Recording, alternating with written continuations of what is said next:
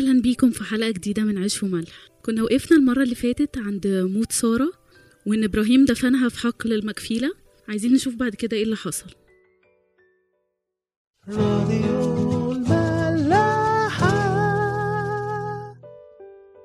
وشاخ إبراهيم وتقدم في الأيام. كان عمر إبراهيم تقريبا 140 سنة وقتها وبارك الرب إبراهيم في كل شيء.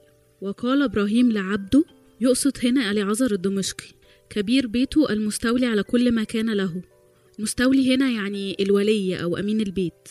ضع يديك تحت فخدي فأستحلفك بالرب إله السماء وإله الأرض.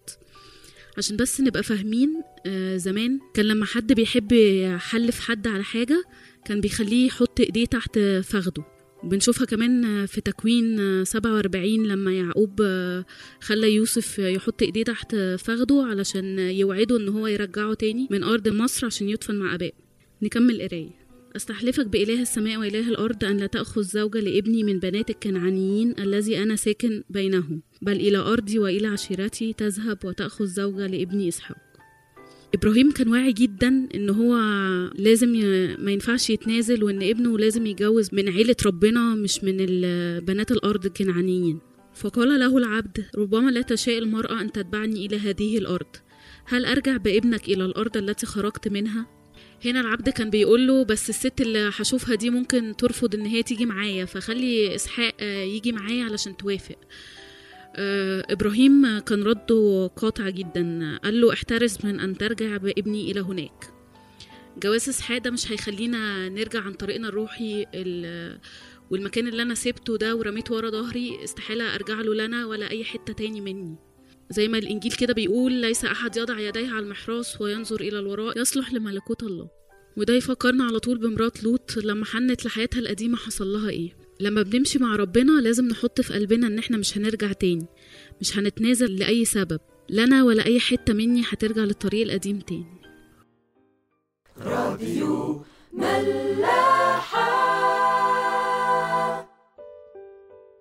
ويكمل إبراهيم ويقول لعبده أنا واثق إن اللي وقف معايا زمان ولسه واقف معايا هو هيختار زوجة لاسحاق يقول له كده الرب إله السماء الذي أخذني من بيت أبي ومن أرض ميلادي والذي كلمني والذي اقسم لي قائلا لنسلك أعطي هذه الأرض هو يرسل ملاكه أمامك فتأخذ زوجة لابني من هناك.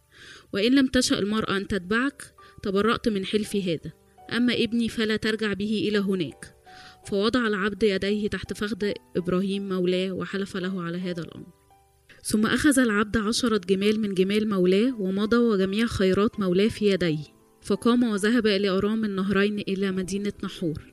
واضح جدا إن إبراهيم كان شخصية غنية وعنده جمال وعنده خيرات آه، عشان يعني اللي بيحس إن الأغنياء ممكن يكونوا مضطهدين في الكتاب المقدس.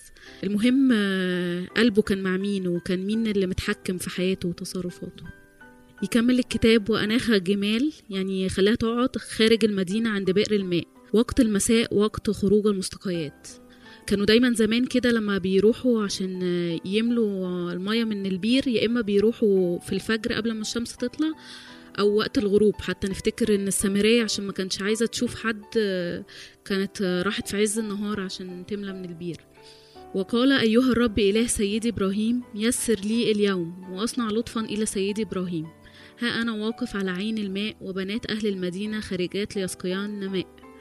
فليكن إن الفتاة التي أقول لها أميلي جارتك لأشرب فتقول اشرب وأنا أسقي جمالك أيضا. هي التي عينتها لعبدك إسحاق. وبها أعلم إنك صنعت لطفا إلى سيدي.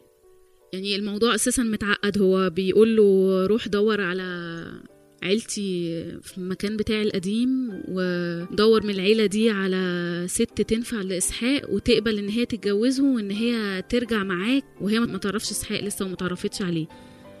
راح هو كمان بقى حاطط آه، شرط تاني وقال إن آه، هستنى إن الست اللي تيجي عند البير وأسألها تشربني وهي توافق إن هي تشربني وتقول كمان آه، اسقي جمالك سقي الجمال ده ما كانش حاجة سهلة على فكرة. كانت محتاجة إن هي تقعد تملى حاجة اسمها المسقاة كده اللي هي الحوض اللي بيحطوا فيه مية للحيوانات والبهايم. محتاجة إن هي بتملاه كذا مرة وبالذات إن الجمال جاية من طريق سفر طويل وعطشانة وبتخزن مية كتير. ويقول الكتاب إن هو قبل ما يخلص تفكير في الموضوع ربنا استجاب ليه ورفقة جت عند البير. تشوف هنا إن ربنا ساعات بيستجيب لواحد استجابة فورية وساعات تاني بيقعد زي ما قعد مع إبراهيم كده 93 سنة عقبال لما حقق وعوده اللي كان قايلها لإبراهيم. ربنا بيتعامل مع كل واحد بطريقة مختلفة ونفس الشخص ربنا بيتعامل معاه بطريقة مختلفة على حسب الوقت وعلى حسب الموضوع على حسب هو هيستفيد إيه وهيبقى استجابته قد إيه إن هو يطلع مع ربنا خطوة لقدام.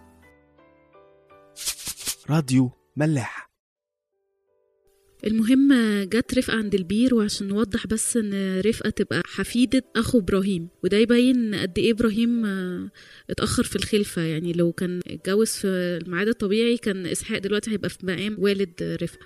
وهنا عايزين نشوف بس حاجة حلوة قوي على موضوع البير وجواز إسحاق برفقة عند البير ده.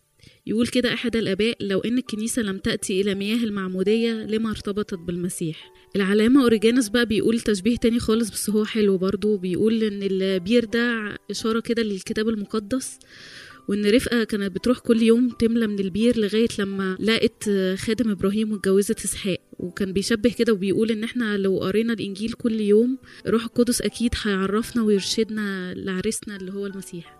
وبنشوف كمان إزاي اليعازر الدمشقي ده كان شبه خدام المسيح اللي بيشتغلوا في العالم عشان يجيبوا نفوس ليه. وزي الروح القدس كده اللي بياخدنا من أرض غربتنا علشان يودينا أرض الموعد ملكوت السماء عند المسيح. وبعد كده يحكي الكتاب إن كل اللي فكر فيه لعازر حصل.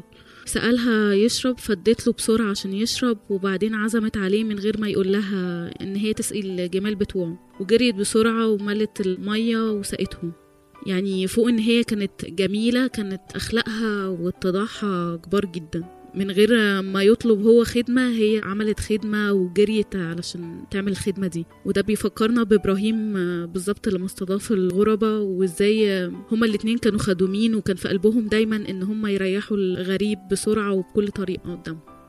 ويكمل الكتاب ويقول وحدث عندما فرغت الجمال من الشرب أن الرجل أخذ خزامة ذهب ووزنها نصف شاكل وسوارين على يديها ووزنهم عشرة شواكل ذهب. وقال بنت من أنت؟ الهدايا هتبتدي بقى تهل.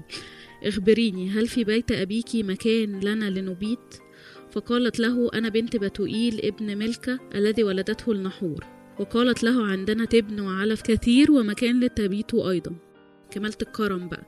زي ما الكنيسة كده المفروض إن هي تدي شبع وراحة لكل الناس اللي بيجولها بيقول في بولس كده فمعنى مفتوح إليكم أيها الكورنثيون قلبنا متسع. فخر الرجل وسجد للرب وقال مبارك الرب إله سيدي إبراهيم الذي لم يمنع لطفه وحقه عن سيدي. إذ كنت أنا في الطريق هداني الرب إلى بيت إخوة سيدي. حلو قوي لما نبقى مركزين في أعمال ربنا في حياتنا وإن كل حاجة مش بتحصل فيها صدفة وإن هو مدبرها كويس. فاكرين وشايفين إيديه في كل حاجة بتحصل في حياتنا. إحنا كتير حتى ساعات بنطلب طلبات من ربنا وبيحققها بس إحنا ما بنبقاش رابطين ان ان الطلب ده اتحقق أو بنبقى ناسيين ان إحنا طلبناه قبل كده. يا ريت نبقى مركزين قوي في حياتنا مع ربنا لأن هنشوف ان هو بيعمل فيها عجايب فعلا وان هو بيستجيب لحاجات كتيرة قوي ما بناخدش بالنا منها عشان نشكره عليها في الآخر. نشوفكم بكرة.